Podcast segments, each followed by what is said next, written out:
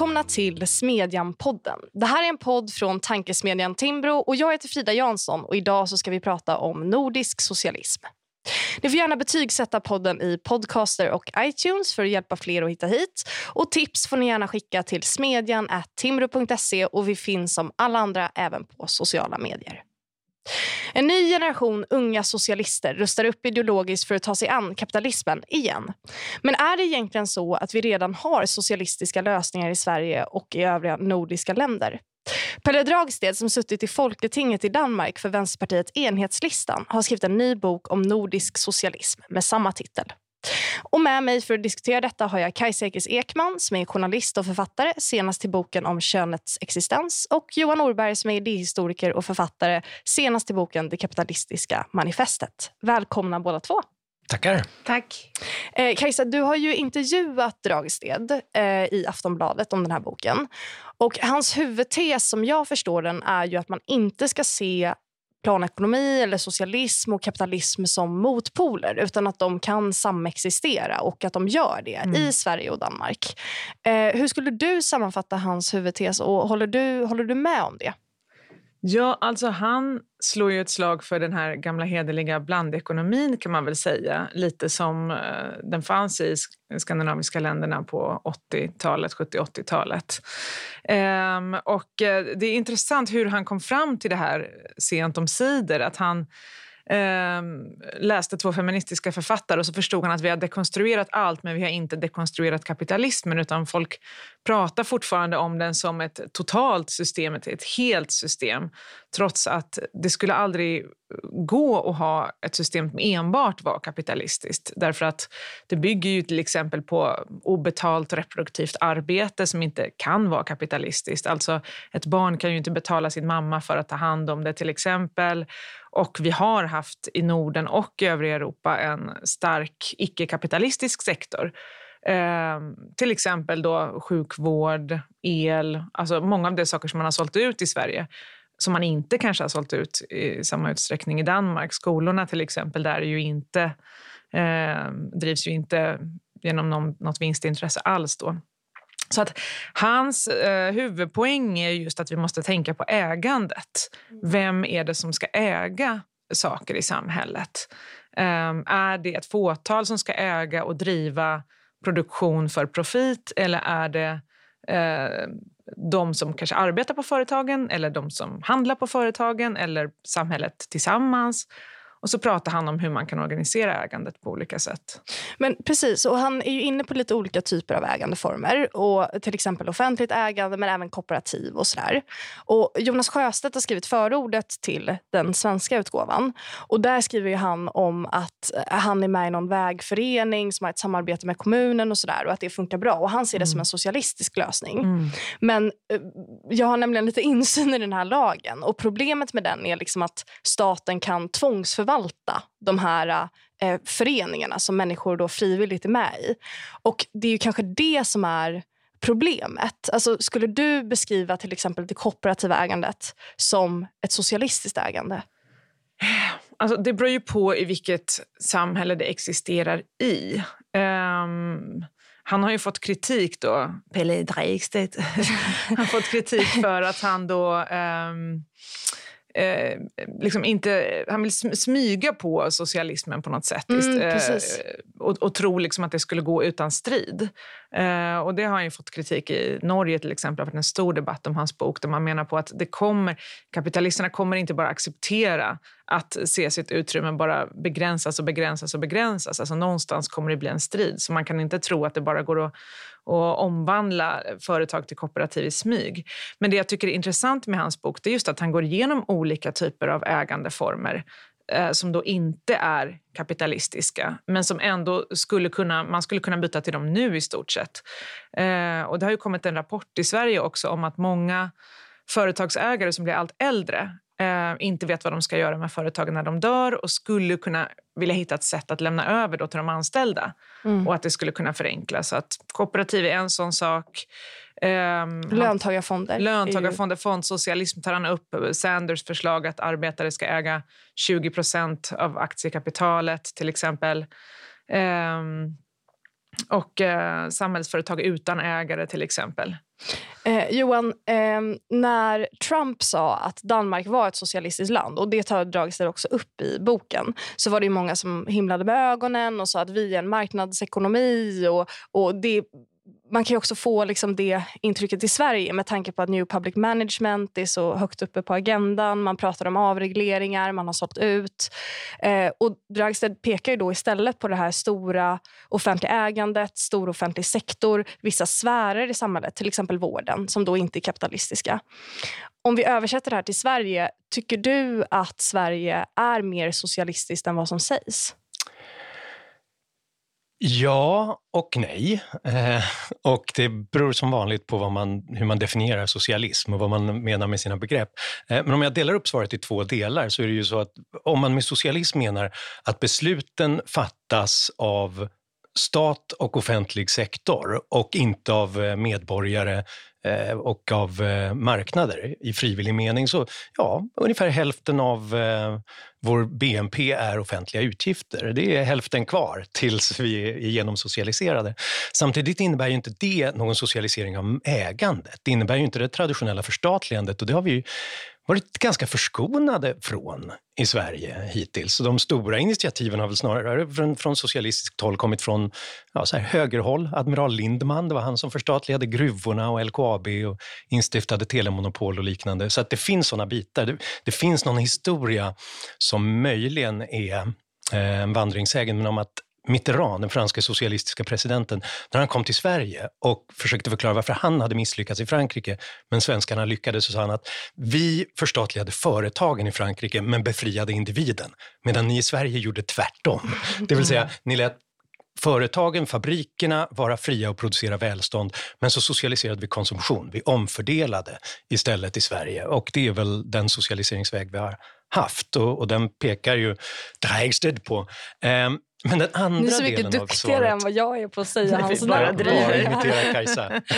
men, men, men den andra delen av svaret är ju det som man också pekar på, nämligen konsumentkooperationen, eh, jordbrukskooperation, vägföreningar och liknande.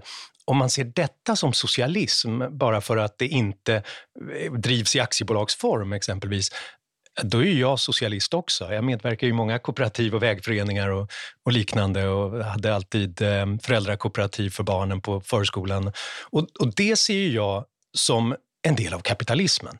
Och det ser jag som kapitalismens moraliska överlägsenhet är att man kan experimentera med alla typer av ägandeformer och organisationsformer så länge de är frivilliga, så länge människor inte tvingas i det. Man kan vara socialist i ett kapitalistiskt samhälle Medan man inte får vara kapitalist i det socialistiska. Det är det som är skillnaden. Men jag, jag, skulle verkligen vilja se mer av den typen av lösningar. Och jag måste säga att jag är överraskad över med den folkrörelsetradition vi har i Sverige och de fackföreningar som vi har i Sverige, så är det så märkligt att vi inte har fått se mer experiment av den här typen. Om man är missnöjd med den privatägda aktiebolagskapitalismen, varför startar man inte konkurrerande verksamhet som ägs och drivs på andra vis? Det är en grej som vi pratade om lite innan Kajsa. Det är att jag tycker att han har en väldigt bra poäng i boken. Eh, som jag vet också att Johan, du har varit inne på i din senaste bok. Vilket är att han identifierar ett problem när väldigt stora företag som är samhällsbärande kan gå till staten och få ungefär vad de vill. För att man ser det helt enkelt som eh, det som kommer generera mest jobb eller är kanske mest kortsiktigt eh, lönsamt också för såklart de som styr. Eh, och Det tycker jag är en väldigt eh, en väldigt, ett väldigt allvarligt problem som han har identifierat. Eh, och Han lyfter just hela tiden det här med oligarki, de här stora företagen. Men min bild är att när man expanderar statens makt så är det ganska mycket udd som också riktas mot individen. Alltså till exempel om man tar Danmark då. Där, där är det ofta individer som kanske drabbas av att man reglerar någonting väldigt hårt. Alltså till exempel att man som invandrare inte får komma in i Danmark som person då. Alltså det är ju inte med udden mot ett stort företag. Eh, eller i Sverige till exempel att man inte får bygga på sin mark. Det är också kanske inte mot ett stort företag eller de här oligarkierna utan mot individen. Vad tänker du om det, Kajsa? Ja, alltså dels har det ju att göra med globaliseringen som den ser ut idag. Att försöker man begränsa storföretagens makt på något sätt. Om de inte är platsbundna så riskerar man att de förflyttar sin verksamhet. Och där är ju alla länders regeringar i stort sett gisslan hos storföretagen och det är därför det är så svårt. Um, och det är just det tror jag som, som den här diskussionen om ägande försöker komma åt. Alltså om företagen då skulle ägas av de anställda så skulle de såklart inte vilja flytta verksamheten någon annanstans eftersom de jobbar ju där. Um, och jag tror inte att jag definierar kapitalism på samma sätt som du, Johan. För att det som jag tror är centralt i den här diskussionen handlar ju om Eh, kapitalism som ackumulation. Alltså att kapitalism, inte som frivillig sammanslutning, eh, alltså ett kooperativ, klart det kan existera i, i kapitalismen och det kan också vara ett profitdrivet företag. Men det kan också inte vara det. Och problemet är ju, i alla fall idag, att när man har en kapitalism som går ut på att eh, ett fåtal då äger produktionsmedlen, driver dem för att ackumulera profit, så leder det till ännu större företag som leder till ännu större företag som slår ut de mindre, som leder till mer ackumulation. Och eh, av liksom, automatik så händer det som du talar om och dessutom att klimatet inte klarar av det därför att jordens resurser klarar inte av ständig ackumulation. Alltså någonstans så är resurserna ändliga. Mm. Det är en, en annan... Eh, för Du var inne på lite kritiken mot Ragsted och han bemöter också dem delvis i boken. Han kallar det att det här kanske inte är socialism eftersom det inte handlar om att ta över produktionsmedlen till exempel. Eh, en annan fråga som han knappt berör är ju feminismen mm. och eh, på något sätt eh, ja, men, vad man nu vill kalla det, alltså minoriteters rättigheter och så vidare. Och han, han, du förklarade ju det också i början Kajsa, att han tar ju feminismen som utgångspunkt eh, när han säger att man har gjort jättestora feministiska framsteg. Alltså, man får ju nästan bilden av honom tycker jag, att vi inte lever i ett patriarkat till exempel. Ja, ja. Och det kan man ju tycka vad som helst om, men, men, hans bild känns som att han tycker att det är en väldigt avancerad eh, jämställdhetspolitisk eh, frammarsch och då att han inte ser det liknande i då socialismen. Eh, och, och, Man får också intrycket av att han menar att det kanske inte finns så mycket kvar att göra på jämställdhetsfronten. Gör du samma tolkning och håller du med om den? Eller? Nej, alltså jag, jag äh, måste säga att jag, jag, tror han bara inte pratar om den frågan. Alltså det är många frågor han inte pratar om.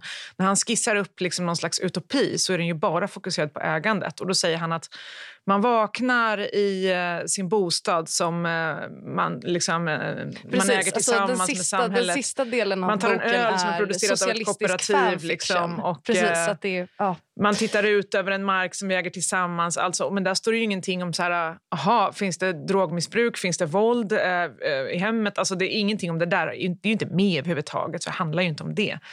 Um, så det är orättvist att hålla det emot honom eftersom han har valt att skriva just om ägandet. Alltså, då skulle det bli en sån här bok som Allt som behöver fixas i samhället. Och Det är bara amatörer som skriver såna böcker. Alltså, och De blir ju inte heller kända. Alltså, ska man skriva en bok som ska komma någon vart så måste den ju handla om en sak.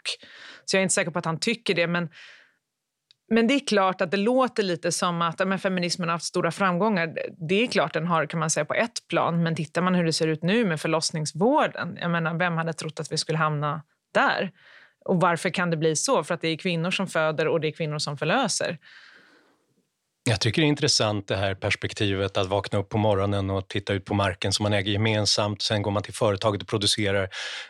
Alltså man, man ser framför sig en enda lång serie stormöten där man ska sitta och dividera och diskutera och kompromissa och ha majoritetsbeslut om precis allting. Och det är ju det är Oscar Wildes mardröm där om att problemet med socialismen är att den tar för många kvällar i anspråk. För man måste sitta och gemensamt besluta om allting. Vissa kanske ser det där som en utopi. Jag ser det för min del ganska mycket som en mardröm. Det räcker att vara med i en bostadsrättsförening för att man ska inse att det där blir rätt så slitsamt. Och ibland kanske man bara vill köpa in produkter från annat håll och se till att någon annan specialiserar sig på de sakerna, gör det så bra som möjligt. Jag går dit om jag tycker det är bra, struntar i det om det inte är bra. Och det där tycker jag ofta är en av, eh, en av problemen med att det är så lätt att skriva en utopistisk bild av det, men när man försöker realisera det, vad, vad händer då? Det finns ju ett skäl till att de här kooperativa organisationsformerna inte har tagit över överallt. Eh, därför att det ofta är, finns knepighet, man måste experimentera med olika typer av lösningar, för vissa kommer inte funka. Och då kan man inte dra upp ett stort schema för hur allting ska se ut all, överallt. Kolla på hur Corbyn och hans eh, Labour skulle organisera sig i de här olika självstyrande enheterna och hur alla började hata varandra ganska snabbt. Därför att det kändes som att så fort någon hade en annan agenda så var det majoritetsbeslut, det slog ut minoriteten och krossade allt. Om man inte ens kan organisera ett parti på det viset, där alla delar den politiska världsbilden, hur ska vi organisera allting från, från produktionen av mjölk till mikrofoner på det viset? Det är svårt. Ja, då är det bättre med diktatur, jag håller med. Nej, det är bättre med massor av experiment. Att det inte är någon som kommenderar fram, som han gör i boken, kommenderar då att det ska vara en styrelse som ser ut på det här viset och det ska så och så många procent hit. Det är livsfarligt att stöpa allt i samma form, för kraften i perspektivet är ju tvärtom decentraliseringen. Att vi har olika saker som experimenterar, testar sig, anpassar sig efter vad som funkar och inte funkar så får vi en levande dynamisk modell och inte bara en socialistisk modell ovanifrån. Nej, men det tror inte jag är det han säger. Alltså det han gör är just att han, han skriver om olika typer av icke-kapitalistiska, skulle man väl kunna säga i betydelsen att de inte eh, ägs privat av någon person liksom, eller så, eller ett litet företag och att de inte då drivs för profit. Utan han pratar just om ja, men samhällsföretag utan ägande, kooperativ fondsocialism eh, eller liksom olika typer av, av ägandeformer på det sättet. Sen måste man ju skilja ägande från beslutande. Alltså vi kan ju äga saker tillsammans. Om man säger att staten äger något kan man ju säga att vi äger det tillsammans. Det betyder inte att du sitter på möten hela tiden. Mm. Men sen har han lite roliga lösningar även där, där han föreslår en demokratins dag som eh, en dansk förening har föreslagit, där man då har röstat, man, har, man ska rösta till alla då eh, arbetarägda företag eh, och, och konsumentägda företag samma dag. Så då är det ungefär som en valdag. Så är det en söndag så går man den dagen och röstar då. Mm. Eh, så har man gjort det sen. Han är, är väldigt, han är ju ändå ganska rädd för byråkrater. Mm. Eh, han säger ju det, man ska inte ersätta de här mm. kapitalisterna med byråkraterna. Men det är väl det som, som du är inne på Johan, som blir lite svårsmält kanske. Att han identifierar de här problemen och sen så när det kommer till då, det är nästan som en liten broschyr. Och så är det så här, du får välja de här fyra formerna av ägande. Så. Eh, och och det, många av dem är bra tycker jag och jag tror att många också är ägandeformer som jag skulle kunna beskriva, alltså som jag skulle kunna beskriva som liberala eller fria. kanske så. Ja, det är um, intressant att när man tittar på historien om kooperativen så dök det ju upp mycket från den liberala arbetarrörelsen och medelklassen i mitten av 1800-talet. Det var tyska, det var skandinaviska traditioner och idéer om hur man skulle kunna skapa så fri konkurrens, så fri handel som möjligt, slå ut de klassiska monopolen. Och även i Sverige så sent som, alltså det tog ett tag innan socialdemokratin slut, slöt mm. fred med mm. kooperativen. För att först såg man det som det var någon, någonting lite eh, skumt. Så småningom började man integrera det tvärtom i, i den arbetarrörelsen. Men även då ledare i mitten av 1900-talet för kooperationen som Albin Johansson, Anders Örne och andra i konsumentkooperationen eh, var ju hårdföra anhängare av fri marknadsekonomi hela tiden avfärdade förslag om prisregleringar, om tullmurar, om subventioner och liknande från staten. Just för att de såg att kraften och dynamiken kommer från olika typer av experiment som konkurrerar med varandra. Och I den meningen så är ju kooperationen en underbar idé som det är synd att det inte har tagits tillvara bättre. Mm. Från både höger och vänster. Men han skriver också om, på ett väldigt roligt sätt eh, om den här revolutionära sidan av vänstern i relation till den reformistiska.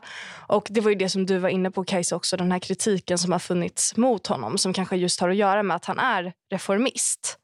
Eh, Johan, skulle du säga att det finns en liknande konflikt inom eh, högern, eller vad man ska säga, eller inom, inom liber, den liberala fåran? Eh. Det var en rackarns bra fråga. Nej, alltså vi liberaler är för få för att dela upp oss i reformister och revolutionärer, är jag rädd. Men, men det är klart, ser man på det historiskt så finns det ju en stark revolutionstradition inom liberalismen. Alltså, den här rika revolutionen i England 1688 och 1776 i USA, 1789 i alla fall första åren i Frankrike. Den enda väpnade revolution vi har haft i Sverige i modern tid, om man räknar 1809 som modern tid, det, det, var ju en liberal revolution. Det var Georg Adlersparre som ledde västra armén mot Stockholm för att avsätta Gustav IV Adolf och han var också den första svenska att översätta Adam Smith. Så att det är klart, det finns ju den här traditionen inom liberalismen, men den riktades ju mot ett antidemokratiskt samhälle, mot auktoritära samhällsbildningar.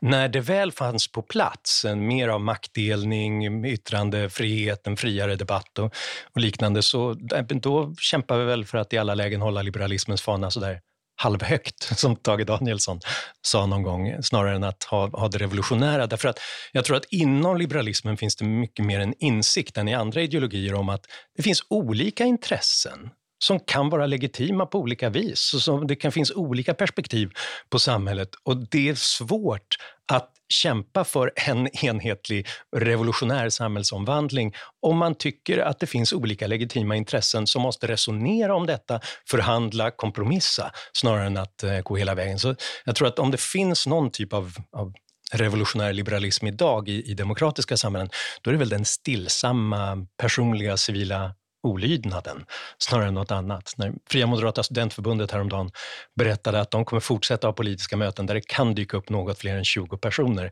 utan trots eh, nya covid-restriktioner. Det, är väl, det är väl så nära vi kommer. Ja, fast i Latinamerika, alla statskupper som uh, högern har genomfört. Ja, fast inte de liberala krafterna. Då talar om traditionellt katolskt konservativa och uh, feodala makthavare snarare än Ja, det behöver det inte vara. Alltså många av de idéer som idag betraktas som liberala genomfördes ju av Pinochet efter statskuppen i Chile till exempel. Jo, liberala idéer har genomförts i kommunistiska, och i fascistiska och socialdemokratiska länder och, och på, på, massor av olika håll. Men det har inte funnits inom liberalismen någon vilja att uppföra en, en Deng Xiaoping eller en Pinochet-diktatur för att man ska genomföra den typen av idéer. Det är något annat. Alltså jag skulle väl säga att om, om, om man liksom säger att inom vänstern finns det en revolutionär tradition så måste man ju i rättvisans namn också inkludera i högen alla de statskupper som har faktiskt gjorts. Kanske inte för att någon har suttit och skrivit att det måste finnas en statskupp men för att de har känt att det är enda sättet att få makten för att man inte har kommit till makten genom demokratiska val. Och det har man gjort i Bolivia bara för några år sedan. Men, men hans beskrivning, för han beskriver ju att han bor på en sida gata där de är eh, mer revolutionära. Och eh, på andra sidan gatan så är de reformister. Och då så säger tror jag, hans föräldrar till honom att de på andra sidan gatan är svikare och sådär. Mm. Du upplever inte att det finns en sån uppdelning eller du vill inte placera in den här kritiken i, i det narrativet? Nej, eller? för så är det inte nu. Och jag tror att alltså, Han har ju varit aktiv antifascist. Han har ju slagits mot nazister på gatan ganska handfast. Han kommer från den traditionen.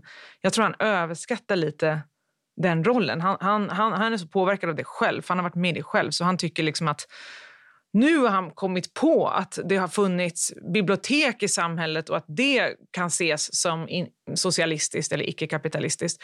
Då är han helt uppfylld av den tanken själv och ska berätta det för alla andra. Men alla andra har redan vetat det hela tiden. Så att det är liksom ingen stor grej. Och jag sa det till honom också, så här, varför du har kommit på det här. Då tror du att ingen annan någonsin har vetat det, men vi har alltid vetat det här. Alltså, det är ju det striderna om allmänningarna, det är ju de strider vi har haft under 90-talet, privatiseringar av offentligägd verksamhet till exempel. Så att han kommer på det nu och liksom och så måste han hitta någon typ av anledning till att skriva det här och då vill han hitta på en fiende då inom vänstern som ska på något sätt tycka att det här är Um, och Jag vet inte riktigt om han överdriver den rollen. för att alltså, det bråket mellan reformister och revolutionärer det var mer än hundra år sedan. Och sen har den motsättningen tynat bort därför att det finns inte egentligen någon motsättning. Alltså revolutionerna gjordes i icke-demokratiska länder när det inte fanns val som man kunde vinna. Ehm, när det sen blev demokrati så kom man ju till makten genom demokratiska val. Ehm, revolutionärerna gjorde också reformer det första de gjorde när de tog makten. Ehm, och reformisterna reformerade så mycket att det kunde betraktas som nästan en revolution.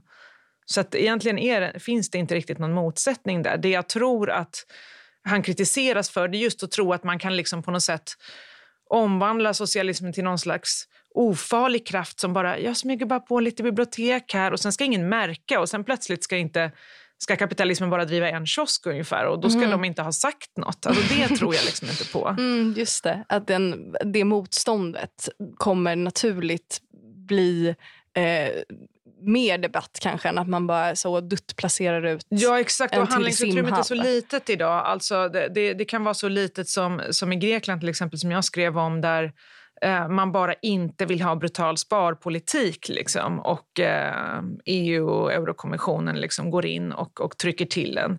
Så att det finns inte det utrymmet idag att börja göra omfattande reformer. Mm. Eh, utan strid. Sen får, då, får man ta strid, då blir det ju det. Men man kan inte tro att det går bara så där liksom under, under mattan.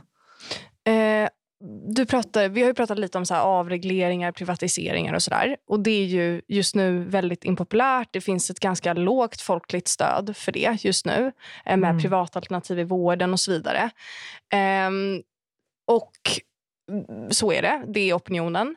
Eh, jag, jag tänker lite på Chantal Mouffe som ju har skrivit mycket om hur en vänsterpopulism, kanske, eller vad man nu vill kalla det, ska engagera medborgare och att få dem att, att känna sig benägna och rösta på vänsterpartier. Hon lyfte ju Jeremy Corbyn. Det var ju på något sätt det stora hoppet eh, som gjorde ett katastrofval och sådär. Hur kommer det sig att det verkar som att det finns ganska ja, men kanske ändå relativt stort stöd för den här typen av idéer i Skandinavien men även kanske i USA med Bernie Sanders och så vidare. Och att man ändå på något sätt inte får till det i, i eh, val. Ja, alltså... Jag tror ju på att så länge det finns ojämlikhet så kommer det finnas ett motstånd mot det. Och så länge det är så att ett fåtal sitter på majoriteten av resurserna så kommer det finnas ett motstånd. Sen hur framgångsrik man är beror på hur man lyckas organisera sig, vilken infrastruktur organisationen har. Alltså, man kan jämföra med, med extremhögern till exempel med, med rasistiska rörelser. Alltså, um, för 40 år sedan fanns det ingen rasism i Sverige. Det fanns säkert jättemycket, det fanns säkert mer än nu, men de var inte organiserade. De hade ingen infrastruktur, de hade ingen politisk kanal. Nu har de det, så nu är de framgångsrika. Så att mycket har att göra med hur man faktiskt uh, arbetar. Um, sen tror jag med Corbyn så var han väldigt otydlig i den fråga som var viktigast just då, nämligen Brexit. Han mumlade runt den och det var hans stora misstag. Han borde varit för Brexit totalt, för det har ju socialister alltid varit liksom emot EU. Så det var hans stora misstag. Um, men i USA är det ju någonting som aldrig har hänt förut. Att det går så bra för någon som säger att han är demokratisk socialist som tar fram idéer som betraktas som radikala till och med i Sverige och nästan alltså blir president. Det tycker jag är otroligt häftigt. Och han fortsätter ju att påverka politiken i USA.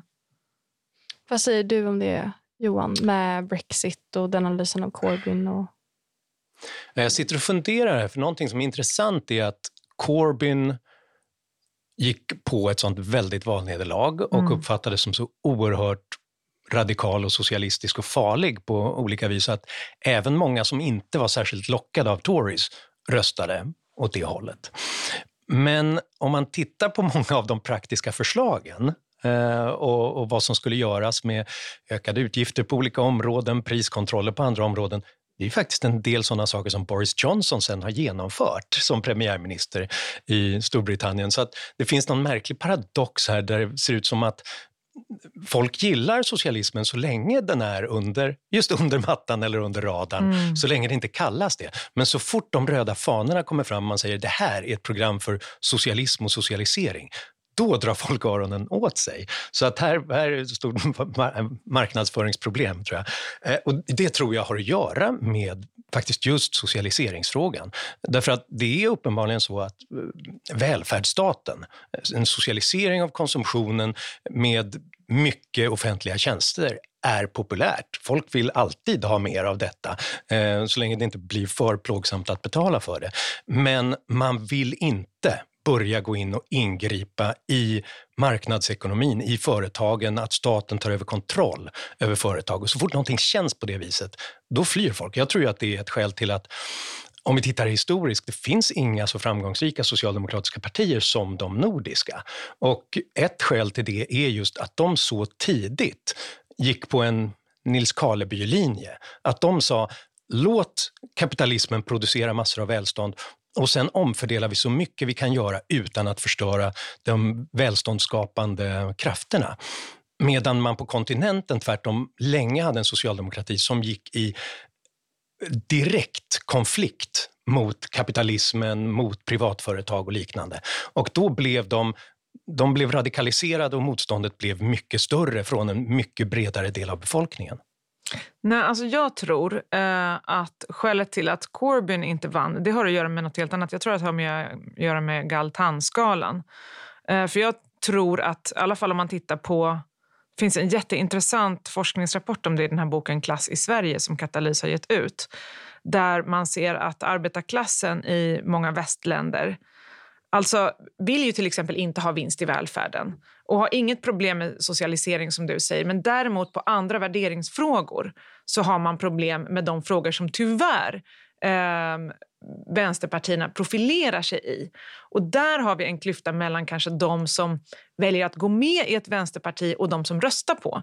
Eh, och så är det med alla partier, därför att de som går med i partier och, som ungdomar är i högre grad från, från högre klasser, medelklass eh, och eh, över och så vidare. Och de är intresserade av vissa frågor. Du, ehm. kan du ta ett exempel? Du tänker till exempel identitetspolitik? Ja, precis. Och värderingsfrågor och sånt. Medan folk som röstar på dem kanske inte alls eh, tycker så och kanske är mer konservativa i de frågorna. Och Det hade inte behövt vara ett problem om man bara kanske inte hade gjort det till profilfrågor. Om man kanske bara hade haft med dem, men inte pratat så mycket om det där. Um, man kanske inte borde göra liksom invandringsfrågan till en stor grej. Man kanske bara borde se till att värna om asylrätten, men babbla inte om det. Gör det bara. Och sen profilera er i kanske välfärdsfrågor och sånt. Men eftersom de aktivisterna som går med i vänsterpartierna eh, själva brinner för de frågorna så, så, är det de som kommer fram och så vidare. Och så blir det liksom en, en stor klyfta mellan väljarna. Och, eh, och då kan det komma någon som Johnson eller Trump till exempel. Alltså jag menar inte att jämföra dem, men, men som eh, lite som du säger Johan, som på ett paradoxalt sätt kan göra saker som vänstern har drömt om länge, som Trump som avskaffade TTIP, som vi hade kämpat mot hur länge som helst, um, men som profilerar sig som höger i just de här värderingsfrågorna. Och utifrån det perspektivet så borde ju den danska socialdemokratin i så fall vara den mest framgångsrika just nu. Mm. Inte sant? Som verkligen är tanvänster mm oerhört socialkonservativa yeah. i värderingsfrågor mm. och samtidigt vänster ekonomiskt. Mm. Yeah. Och det är uppenbart, det finns ju en stor väljarskara som, som befinner sig där. Eh, samtidigt som jag också ser hur det skapar eh, opinion för andra vänsterkrafter som är mer liberala i, i värderingsfrågor också. Mm. Då är det verkligen helt kört för oss, Johan. Om det ja, både blir socialdemokrati och vänster i den ekonomiska politiken och sen inga flyktingar. Det, det... det är därför vi är så få som verkligen är, är liberala och för, för öppenhet och liberalism i alla dimensioner. Eh, men, Men sen, sånt svänger ju också. Det ska vi vara medvetna om. Hela västerlandets moderniseringshistoria under de senaste hundra åren har ju trots allt handlat om att vi har blivit mer liberala i värderingsfrågor. Eh, det har ackompanjerat det ökande välståndet och den minskande fattigdomen. det har väl delvis att göra med att när folk har känt sig mer trygga så blir man också eh, mer öppensinniga i andra dimensioner. Nu har vi haft en tid av kriser. Vi har haft finanskriser, vi har haft geopolitiska eh, omtumlande stämningar, terrorism och liknande. Då blir folk mer slutna till sinnet. Sånt svänger, sånt förändrar sig med tiden också. Så det här är inte, det här är inte heller historiens slut. Nej, men jag måste bara säga en grej apropå eh, om, om det är så att de, de eh, nordiska socialdemokratiska partierna som du sa är mer framgångsrika. Alltså, jag tror det beror på att vi inte har drabbats av statskupper eller invasioner på samma sätt som många andra länder. Alltså, I vissa länder räcker det med att ha en strejk för att det ska bli statskupp. Alltså, tittar man på Spanien till exempel, Franco regerade i massa herrans år. Portugal samma sak, diktatur. Italien, Grekland. Alltså i Sydeuropa har man ju försökt med det här eh, olika typer av socialdemokratiska eller liksom socialistiska partier som inte har kommit någon vart för de har blivit brutalt nedslagna. Samma i Indonesien där man slaktade en miljon människor och i Latinamerika samma sak. Så jag tror att vi har bara vårt geografiska läge att tacka för att vi har fått ha en socialdemokrati och en arbetarrörelse som har fått växa i fred utan att någon lägger sig i. Och det tycker jag är så det är någonting som jag stör mig på, den här typen av progressiva nationalism som är att man tror på något sätt att vi är bättre för att vi är i Skandinavien och att vi på något sätt har någon inneboende egenskap som gör att vi har löst alla världsproblemen, men det kan ingen annan klara. Men jag tror att det i mångt och mycket har ju det att göra med dels att vi ligger i utkanten av världen, dels att vi har legat mellan då under kalla kriget två världsmakter och har kunnat spela ut dem mot varandra. Eh, I slutet av boken så är det ju som sagt lite socialistisk fanfiction som är väldigt fin. Och eh, som en del av den så skriver Dragsted att eh, för det som har hänt då det är att de har styckat upp Danske Bank och alltså massa bra har hänt då. Eh, och Eh, då säger han att de, de, det har liksom startat då två olika partier förutom det partiet som styr. Och Det ena är ett parti som är ännu mer vänster. Och Sen så finns det ett nytt borgerligt parti som vill förhindra då den här socialiseringen eller vad man nu ska kalla det. Eh, de, de här andra typerna av ägande. Och så tänker han för sig själv då att det kanske är bra att den här debatten finns. Det kanske är bra för, eh, för samhället att man möts och att man byter olika perspektiv och att det finns människor från, från den hela den politiska skalan som diskuterar detta. Och eh, Det tyckte jag var väldigt fint. Och med de orden så eh, avslutar vi podden. Och Eh, jag vill verkligen tacka dig Johan Norberg och dig Kajsa Ekis Ekman för att ni har kommit hit och pratat med mig. Och eh, vi är snart tillbaka i podden och fram tills dess så hänger vi på smedjan.se.